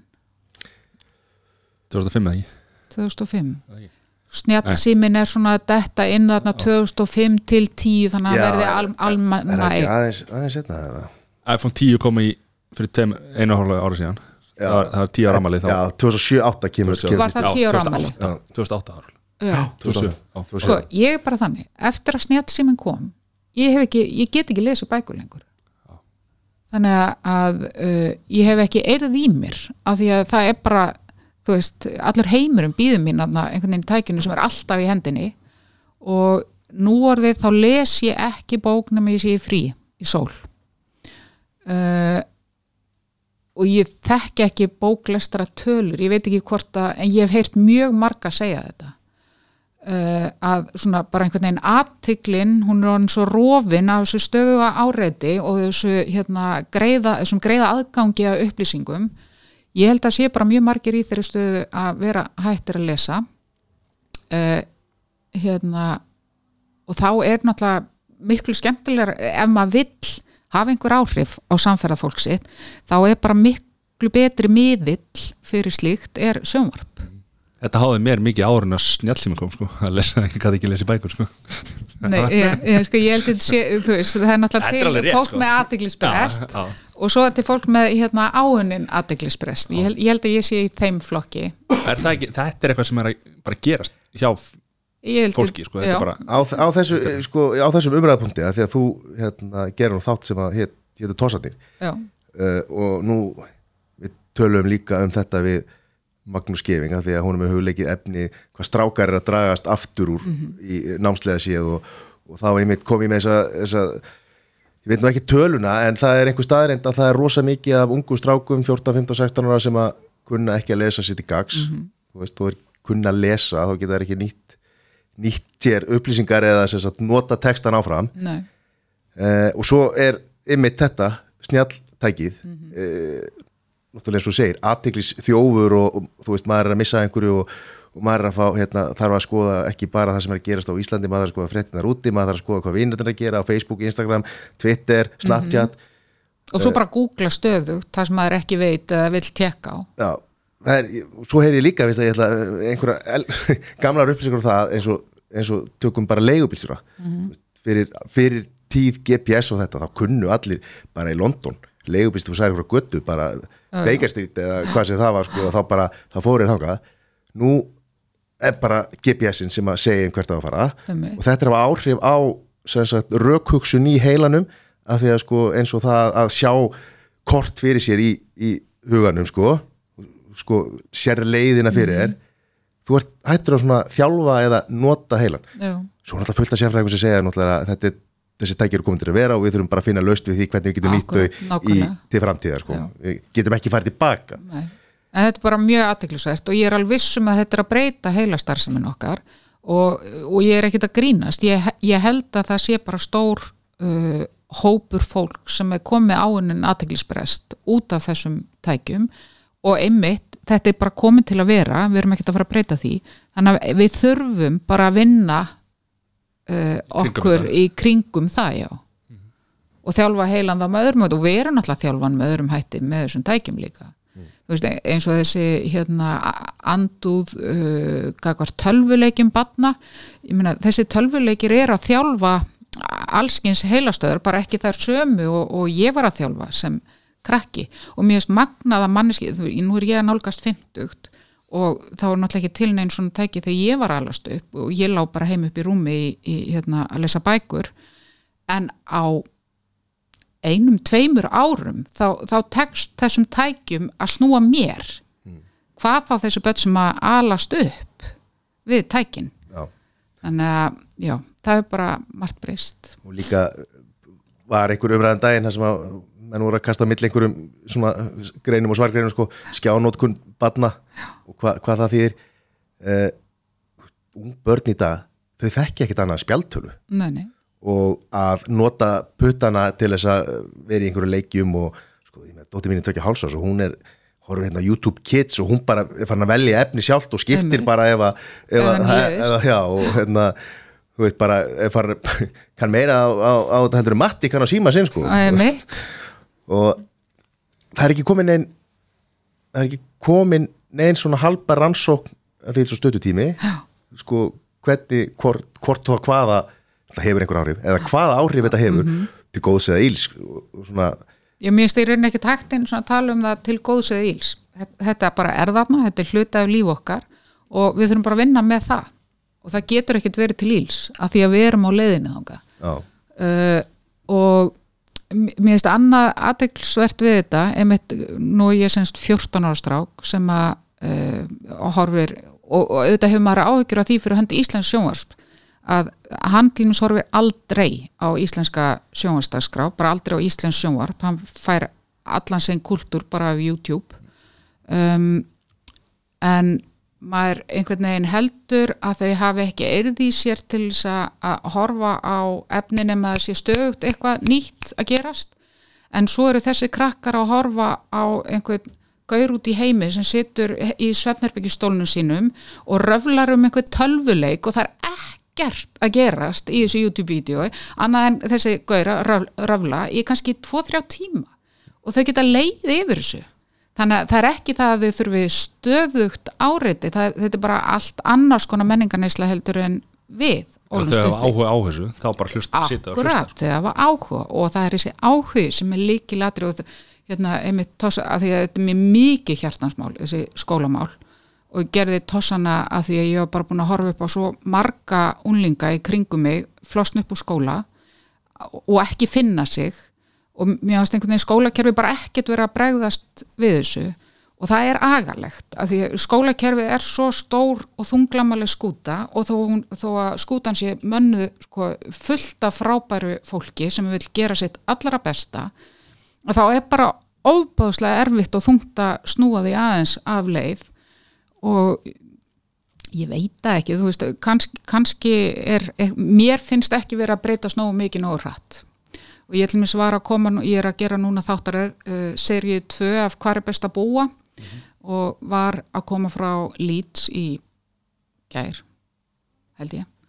Uh, hérna, þar sem ég heimsótti íslenska fjölskyldu sem ákvaða að flytja út þegar yngsta barni var 14 ára og þetta, var uh, stúlka sem hafði engan áhuga á skóla, fóreldrarnir eru ekki háskólaði mentaðir og það var bara ekkert svona inn í heimsmyndin einhvern veginn að fara hugsanlega í háskólanám. Uh, og e- kemur úr íslenskun skóla hér sem að virðist ekki hafa náða að kveikja á nokkuð nátt námslöngun hjá henni. Fer inn í uh, þúsund manna almenningsskóla í hverfinu sem hún býr í uh, þar sem eru krakkar af þetta voru svartir og gulir og skáegðir og hvítir og allavegana krakkar í þessum skóla. Uh, bæði fátækir og, og af efnaðri heimilum. Og bara skömmu eftir hún er komin inn í þetta umhverfi að þá kviknar metnaður og áhug það er rosa strangur rammi utanum skólan, utanum mentunina uh, alveg þannig strangur að, að sko þau það er svona læsing á, sko, sem krakkarnir geta ekki gengið inn út úr skólanum. Hvað þá að foreldrar eða eitthvað aðkomi fólk geti gengið inn í skólan Þú er bara skráður sérstaklega skráð, við fengum að heimsækjana sem stóð fylginni í skólan en það þurfti alveg starfsmann til þess að opna og hleypa krökkunum heim eftir skólan uh, en þessi stúlka hún sko hún er að klára mentaskólinn núna, hún er á 18 ára og hún er að sækja um háskólinám í læknistfræðilegum vísindum. Hún er búin að vera að sækja einhver svona prógram fyrir hérna krakka sem að, að uh, hafa áhuga á vísindum. Hún, henni tókst að koma sér inn í eitthvað prógram í háskólanum til þess að taka þátt í krabbmennsrannsóknum er sem sagt bara full af metnaði og áhuga á náminu sinu og búin að finna leið sem hann langar til að fara í lífinu. Uh, í mentaskólanum þá er hún að einbetta sér að þremur fögum. Minnum við líffræði, efnafræði og einhverju einu öðru, allt raunvísindi, en ekki sko 15 til 20 fögum eins og við erum að gera í mentaskóla hér. Ég meina, þú veist, ég var á málabraut en ég var líka að læra líffræði og eðlisfræði og efnafræði og jarðfræði og sko fög sem ég hefði null áhuga á en ég hefði svo gjarnan vilja geta einbeitt mér að því sem að kveikti minn áhuga. Já. ég hins vegar var bara saminsku sem stelpa sem að gerði það sem ég var sagt að gera nema í einu líffræðiprófi sem ég las ekkit undir og fekk null í. En síni mínir, til dæmis, ég á bara ég á tvo stráka, þeir eru ekki þannig gerðir, þeir bara ef þeir eh, hafa ekki áhuga þá bara fuck it. Og til dæmis þessi yngri minn sem að hérna, hann uh, fekk áhuga, hann er að semja músík heima bara í tölvunni með frá tölvuleikjanum og hérna uh, á, við fréttum af því fyrir svona fyrir nokkur mánuðum að það væri búið að stopna mentaskóla í tónlist sem við vissum ekkert af. Nei. og hérna og það bara, þú veist, kom glampi í augunum á drengnum og við fórum og lásum inntöku skilurðin fyrir skólan. Og það kom í ljós að hann þyrfti að vera með eitthvað, ég man ekki A eða B í samræmdu prófunum. Og hann þyrfti að hérna, klára x mikið í hljóðfaranámi hann var kom, þegar hann sá þetta dreng, drengurum var í samræmdu prófum bara núna fyrir nokkrum dögum og hérna hefur gengið ítli starfæri verið, verið hérna að taka auka tími í því og svona. Batni fekk einhvernina sem hann þurfti í starfræðiprófunu núna um daginn. Kom metnaður. Af því að það kom metnaður og það er áhugi og hann sér möguleika út úr þessu almenna námi sem kveikir ekki í honum. Hann ætla sér að komast inn í mentaskólinu tónlist og vonandi tekstónum það.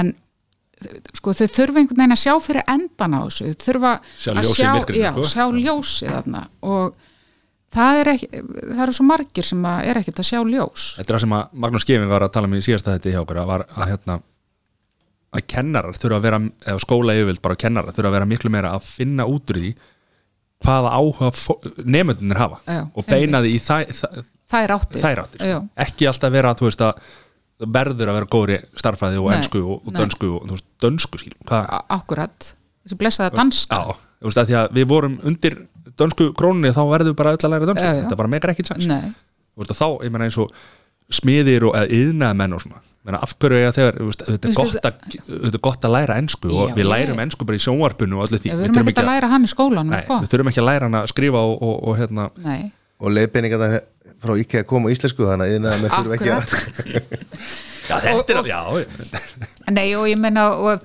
ef menn þurfa svo fagsins vegna að læra tungumál að þá gera menn það, þá leita þeir leiða til þess. En þetta er bara eh, einmitt þegar ég var að vinna þess að þætti og talaði við endalust á fólki, ég tók endalust við til uh, fyrir hana, tossana. Og þú veist, ég komst að því að til þess að verða slökkulismadur þá þurftur að klára x mikið í ennsku starffræði og dönsku. Uh, strákur sem að ég tók viðtal við sem að hafi gríðarlegan áhuga á myndlist og var bara rosalega flottur og drífandi og framtaksamur strákur en hann bara gat ekki dönsku og bara fjall í dönsku. Og þú veist, hann lísti í þannig, þú veist, ég bara ég kemst ekki yfir þennan múr af dönsku til þess að komast þangað sem hann vildi að fara í myndlistina uh, til að komast þangað sem að hugur hans og hæfileikar stemdu á. Og það er bara algjörlega stórkostlega glata að við séum að halda aftur á svona mörgum ungmennum með því að búa til hérna þessa þröskulda.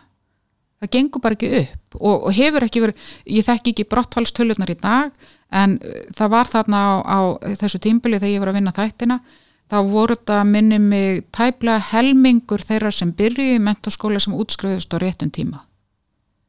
Og við vorum bara að standa okkur raklega í alþjóðlegum samburði, við erum ekki þó við séum hérna Norðurlanda þjóð og hérna með háan lifistandard, þá vorum við að standa okkur bara alveg skelvilega illa í þessum málum.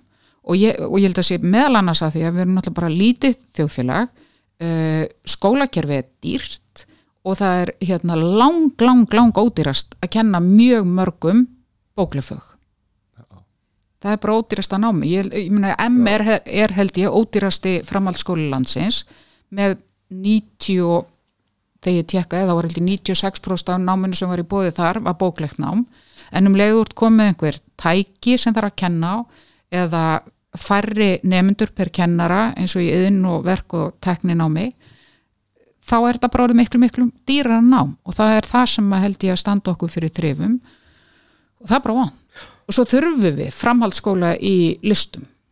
Við þurfum framhaldsskóla sem einbeti sér að kvikmyndagerð, leiklist söng og svo framvegis.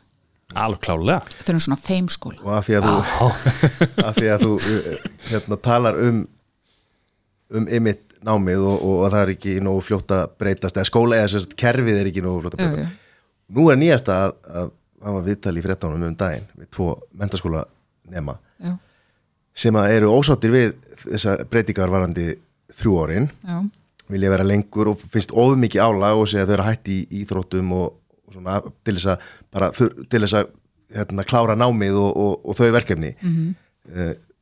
þurfum við ekki að byrja eins og til dæmis í Breitlandi þá byrjar í grunnskóla sem að við myndum kalla fyrsta bekk, sex ára bekk þau byrja fjagur eða fimm ára. Þau, þú veist, og þá eru þau móttækileg mjög, hérna, svo er þetta var nú einhver leikskóla kynnan daginn segja að þetta vera lengur leikskóla en er þetta ekki, þurfum við ekki að færa okkur?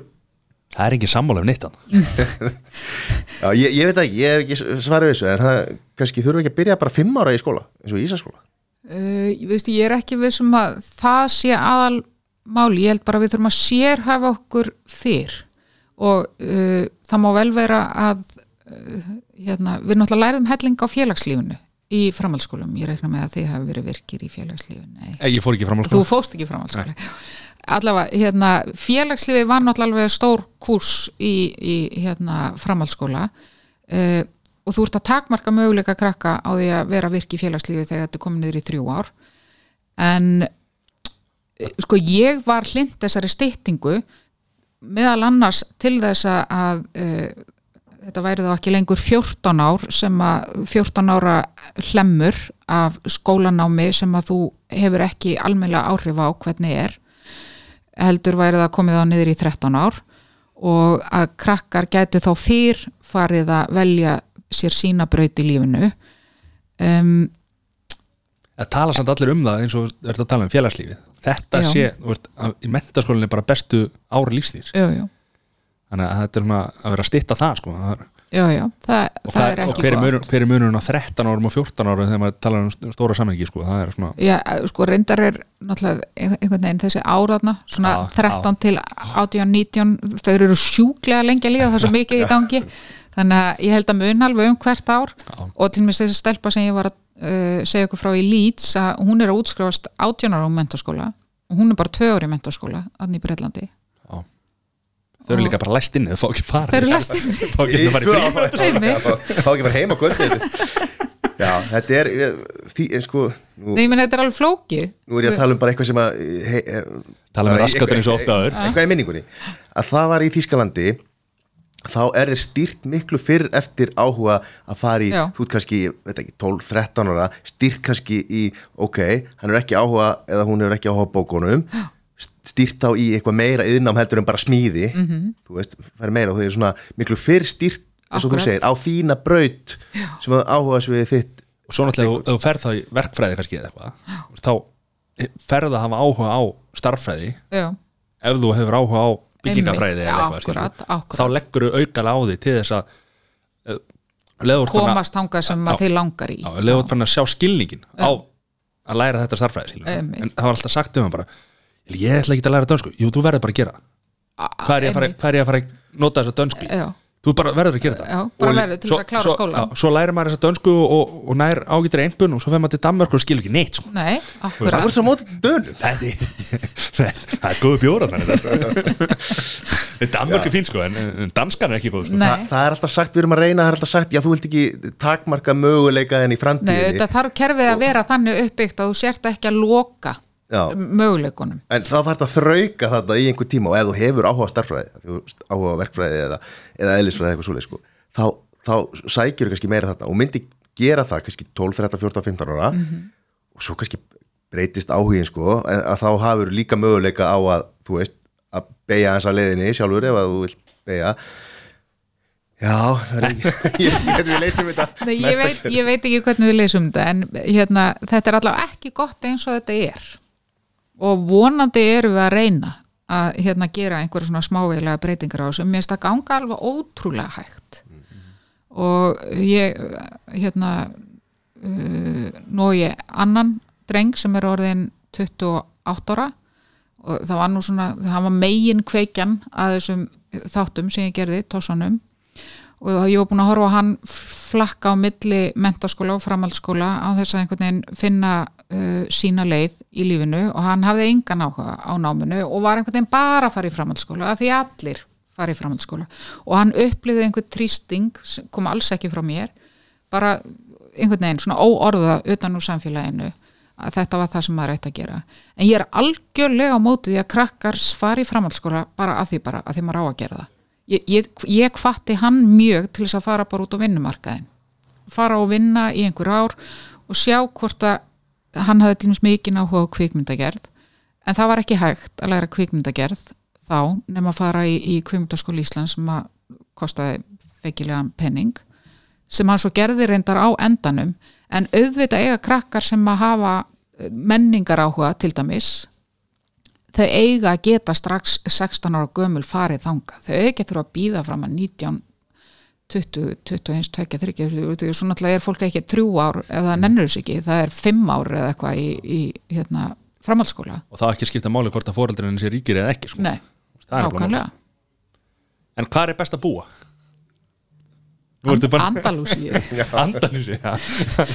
Ég reyndar ekki að heimsækja neitt í Andalúsu þessari þáttaröðu reyndar. Þú tekur það með þig bara, það verður- loka það verður loka þáttaröð hérna að búið til rauðvin í, í Andalúsi En þetta er, já, þetta er, þetta er hérna, nærða að gera þetta góða persóna rannsók hvað er, hvað er best að búa og, og, og gera góða þáttaserju í, í leiðinni?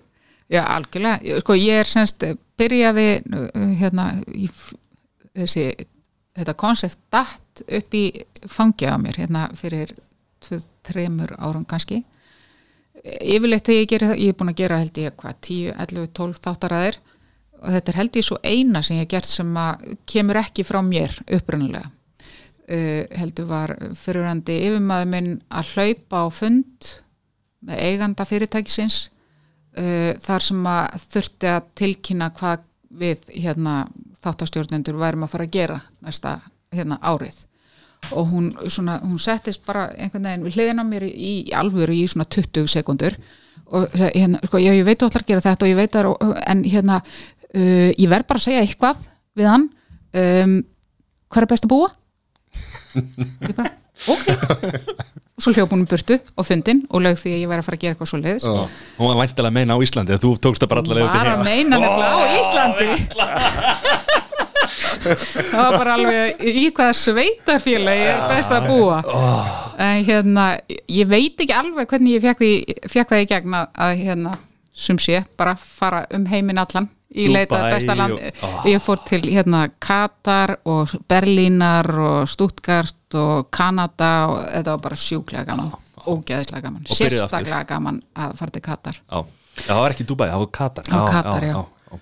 hérna, já og svo er ég bara að gera seri 2 sem er ekki verið og reyndar uh, undir, ég syns það er loksins varum fullorinn á þessu ári þá hérna uh, 1. janúar þá stofnaði ég fyrirtæki sem heitir Loa Production og er að framlega þess að þáttur sjálf í fyrstskiptaðinni, ekki sem laun þegar heldur sem frjálskona. Já, til að með það Mhm. Og er það ekki spennandi? Jú, það er æði. Og hvað færði það að hafa stórt, eða hvað, er það tökum að það sem fer með, er einhverjum fleiri sem fara með? Nei, þetta er bara tökum, það, síðasta seri var líka þannig og eiginlega allt sem ég vunnið er bara einn tökumar og ég uh, stökusunum eru tveir tökumenn með, en í þessu er þetta bara einn tökumar og ég. Já. og við erum búin að fara hérna til Austuríkis, Marokko uh, Costa Rica England, Svíþjóðar. Og næst á dagskrá er Suðu Frakland, Spát og Kýpur og Bali. Það er að fara brimbretti ég reyndi að prófaði breynbreytti í fyrst skipti núna í Costa Rica. Já, ég gæti ekki neitt sko. Nei, það er bara ekki hann já, já. en það var alveg gaman. Já. Vel gert En hvað, hérna, hvernig finnst þér að koma inn til fólks og, og hérna, þetta er náttúrulega smá róta á já, já, líf þeirra og, og já, hérna þetta, er, þetta er álag bæði fyrir okkur og fyrir fólki sem erum að heimsækja því að við erum með fólki helst frá því að vaknar á mótnan á að fyrir að á kvöldin. Og e- þetta eru þrýr tökudagar með hverju fjölskyldu. Og hérna fólk þarf að vera svolítið tilbúið í þetta til að, að þetta gangi upp. Og við höfum bara verið ofsalega heppið með fólk. En hérna það er náttúrulega misjafnar aðstæður hjá fólki. Hérna það, var, það er ung kona sem býr í Marokko hún, svona, þau falla aðeins fyrir utan konseptið. Konseptið er að hitta fjölskyldu sem að uh, hefur ákveðið að láta þann draum rætast að prófa að búa í útlöndum og eru alíslensk og hafa svona nýlegan og ferskan samanburð við Ísland. Það er konseptið. En hún á marokkoskan eigimann en ég er bara svo heitluð af þessari stelpu. Að ég reyndi líka að fá hann inn í síðustu serju en hérna sem betur fyrir þá gekk það ekki upp, ekki henni vegna, hún var alveg til. Eh, af því að síðan þá er hún búin að eignast aðra tvíbura, nú á hún fjögur smáböld, þryggjára yngri. Já, Já. þú ert að kvarta um þetta dótni þinni ö, semst tvenni tvíburar. Þeir, eru- þryggjára eldri stelpunar og yngri stelpunar eru tæplega eins ást þegar við heimsóttum þau. Og þau búa í svona 30-40 fermetra íbúð á efstu hæð og það er náttúrulega ekki lift en eitt svo leys þetta er sko í gamall gamlu metinu, semst í gamlu miðborginni í Essaouira í Marokko og það er svona svona hallandi skakkir stegar þarna upp til þeirra og horfa á hana byrtu, uh, lappa upp með sko eitt á maganum og annað á bakinu og þriðja hérna í öðrum hægri hendi og, og fjórða í næstu og innkaupa póka, þetta er náttúrulega bara tjúlað og, og horfa á hérna yfirveguna og róna sem skín úr andlitinu á þessari stúlku, það er bara galið. Veist, með brjálaða fjóra einstaklinga allt í kringum sig. Og líka sko þessar medinur hérna í þessum borgum í Marokko að þetta eru sko fullt af rosalega þröngum götum sko, þú ert ekkert að kera, kemur ekkert eins og maður vill helst bara keira inn til sín sko Já, og þú veist, bera á matinn og allt saman sko. Það er hún bara, bara, lappar allt. Já. og hérna þegar við fylgdum henni einu sinni að fara í heimsókn út í sveit, svo eru þau sko nýbúin að opna kaffihús, þannig að nú er hann æðislegt kaffihús. Það er nóg að gera? Já, nóg að gera þannig að hann er rosalega bundin þar eh, núna, þessa vikurnar þannig að hún er rosa mikið einn bara með þessi sjúklega sætu hérna börn sem þega og þegar hún þarf að fara ekkert að þá, hún alltaf getur eiginlega ekki lappa með fjögur börn þannig í gegnum miðbæinn. Uh, þá er sko kallað á svona, það eru gamli kallar hana með svona æ, svona eins og dráttakerrur eða þannig Já. sem þið labba með um gömlu miðborgina. Og börnin eru sett í, í dráttakerruna og, og þannig kemst hún út úr miðborginni og, og getur labbað í hérna gamla bílinn sem þau eru með einhver starfna fyrir utan. Því að það keiri ekkert bílar inn í mötuninni Já, Þú bara ef maður fer þetta inn, rat, maður þekkir, sig, þekkir ekki til þetta, þá bara ratta maður ekkert út sko. Nei, nei, það er bara þannig. En já, þe- þetta er eina af þeim fjölskyldum sem við heimsveikjum í, í næstu seríu.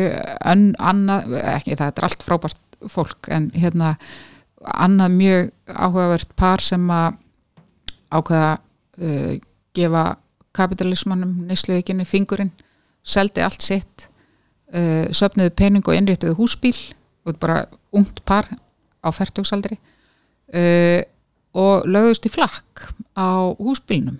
Og uh, við heimsóttum þau semst í Östuríki núna í vetur þar sem þau hefðu vetursetu voru að vinna á skíðasvæði til að safna peningum og eru núna lögst aftur í, í flakk eru sennilega á yfir til Fraklands fljótlega. Og eru frjálst fólk þá 8-9 mánuðu ári. Og svo vinna bara á einhverju og skíðasæðum já, svo bara vinna þau til þess að safna og... smá pening og, og leggjast aftur í flakk. Mér finnst það bara dýrlega hugmynd. Ég er ekki veist sem ég gæti það svona til lengdar Mhm. en hérna ég dáist á fólki sem að er tilbúið til þess að stiga svona skref út úr ramman Já, Það lætur bara drauma sinni rætast. Já, Það er að hugsa þetta næst þegar maður borgar að húsnæðislánunu af hverju maður er ekki bara einhverjum húsbíl bara í söðu Fraklandi og ég meina þau voru bara svona venlegt hún hérna vann á held, hún var, vann í barnaskóla held ég, frekar en leikskóla. Og hann smiður reyndar með lögfræðamentun líka. Uh, Þess vegna er hann að flýja landið hérna, já, þau bara ákveða að láta þennan draum rætast. Þau rætti þetta lengi og, og hérna, þetta er sennilega meirinn að segja það að einhvern veginn selja allt sitt og, er og fara bara. Fólk er alltaf í frettunum að fólk er að flytja, flytja til Tenerife. Já, kannski eitthvað tímabundið en hérna í einhver tíma ekki bara okkar besti svali og fjölskylda heldur líka fleiri íslendingar sem Já, er að já. taka kannski veturinn eða lengri tíma að prófa þetta og, og um að gera og að þú ert með já, fjölskylduhægir eru þannig að þá er þetta náttúrulega bara ævindýralegu skóli að algjörlega. Það og er, við erum svo heppin að vera Íslendingar að við getum þetta, við erum þannig efnahagslega stödd að við getum þetta. Það er bara málið þér.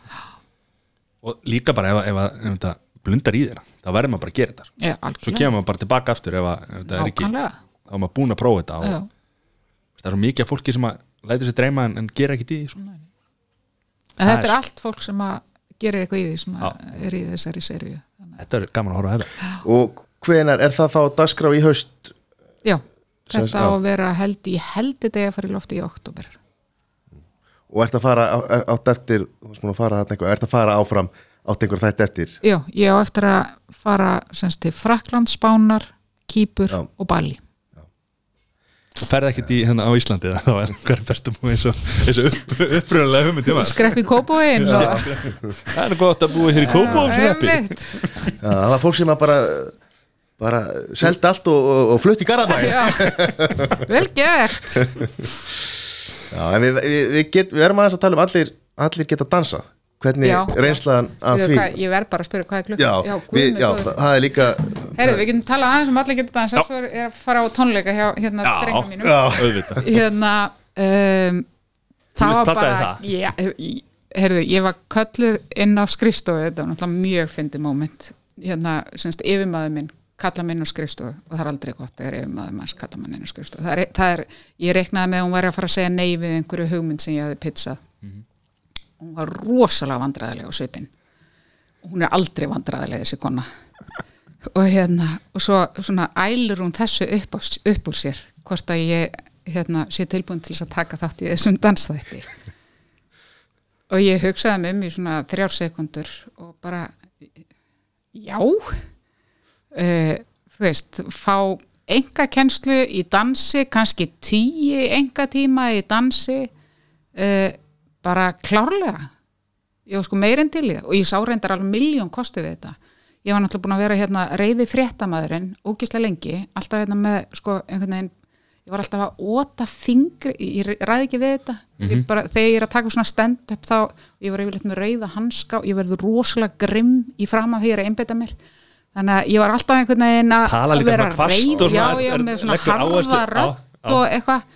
Þannig að ég sá fyrir mér að þarna gæti ég fund, fengi leið til þess að hérna, sína að ég er alveg bara mennsk, ég er ekki alltaf reið. Já, og hérna semst á þessum sekundum sem það tók mig að segja já að þá alveg fann ég uh, miljón ástæður til að segja já við þessu. Og svo var þetta bara alveg geggjað æventýri já, en reyndar ekki eins og ég held þetta var mjög, mjög ólíkt því sem ég bjóstu þetta. Að mér er sjúklega gaman að dansa og hefur alltaf fundist. Ég er alveg svona, þú veist fer á dansskólu og dansa með sveita í tvo tíma á ársatíðin og svona. En eh, sko, ég hef líkt þessu við að munurinn á því að taka þátt í svona dansstætti og dansa á ársatíðinni er eins og munurinn á því að hlaupa út í sjoppu og hlaupa marathon á góðum tíma. Þetta er íþrótt sko. Þetta er fokking, þú veist, þetta er bara brjála þetta var bara rugg Já, ég meina, maður var bara æfingar alveg alveg linnulaust og bólni fætur og þú veist, stundu hérna þessi snúningar og veltur og þetta dót og drasl ég meina, fyrir mannsku sem hefur aldrei fengið þjálfun í dansi, þá var þetta bara e, vitið, vitið þið hvað það er að spotta? Nei, Nei, ég vissi heldur ekki hvað Nei. það var en það er þegar, maður, þegar verður að snúa mann í ringi upp í lofti þá þarf maður að spotta hotnin Já. þessi augun þurfa að grípa hérna hotnin til þess að maður verður ekki sjóveikur. Já, til þess að æla ekki yfir já, já. og ég vissi þetta ekki. Nei. og svo bara kom ég heima á æfingu og ég bara lá fyrir bara með ó, bara, þú veist, ég var bara dauð í svona fjóra klukkutíma á eftir af svima og ógleði. Og ég, ég, þú, þetta kann maður ekki. Nei. og það, þetta er eitt Þetta af mörgu þetta sem að díla þjálfun, við náttúrulega. já, já, já. Og svo, svo var mér bara pyrraðir og hvað, þú eru að spotta ó, Ég er ekki með Ok, að spotta nei. Þetta taka með með spotta hérna.